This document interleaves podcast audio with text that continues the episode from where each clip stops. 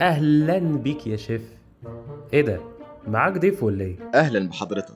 ولا ضيف ولا حاجة. قابلته صدفة وقلت اوصله أنا هسيبكم براحتكم. شرفتنا والله. ده المطعم نور بمجيتك ليه. هتسيبني أمشي عادي كده؟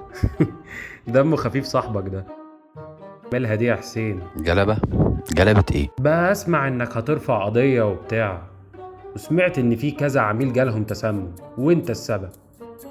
عشان كده المطعم طردك تسمم؟ تسمم إيه؟ إيه هتنكر ولا إيه بقى؟ كده برضه تعض الإيد اللي اتمدت لك. والنبي بلاش لف ودوران. ما تقولش إنك عملت كده عشان صاحبك خانك. وقال لمدير المطعم إنك بتحط مادة معينة في الأكل. ده حتى سلم المادة دي لمدير المطعم. أكيد أنت عارفها. هتنكر دي؟ بس السؤال هنا بقى تفتكر حد هيكذب القصة دي؟ بص اسمعني المواد دي بتاعتكم والشيلة شيلتكم بقى انت كده جايبني عشان تهددني؟ كده تعجبني. ابتدينا نتفق وده شيك ألف. عشرين ألف؟ وهتشتغل هنا كمان. آه أحسن ما تبقى رد سجون. شيك مش شيك لو ظرف ماشي.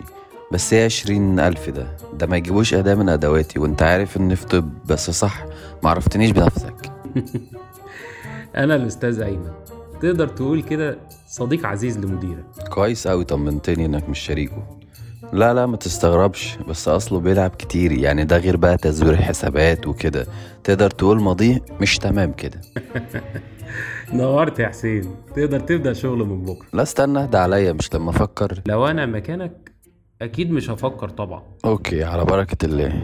يلا سلام. أخيرا إيه مال وشك أحمر كده ليه؟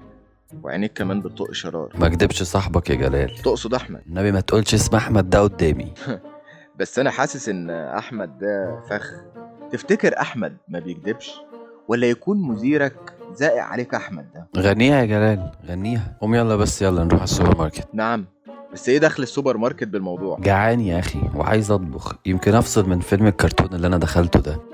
انزل أهو قدامك. معاك فلوس؟ كمان؟ حلو قوي. انزل معايا بقى.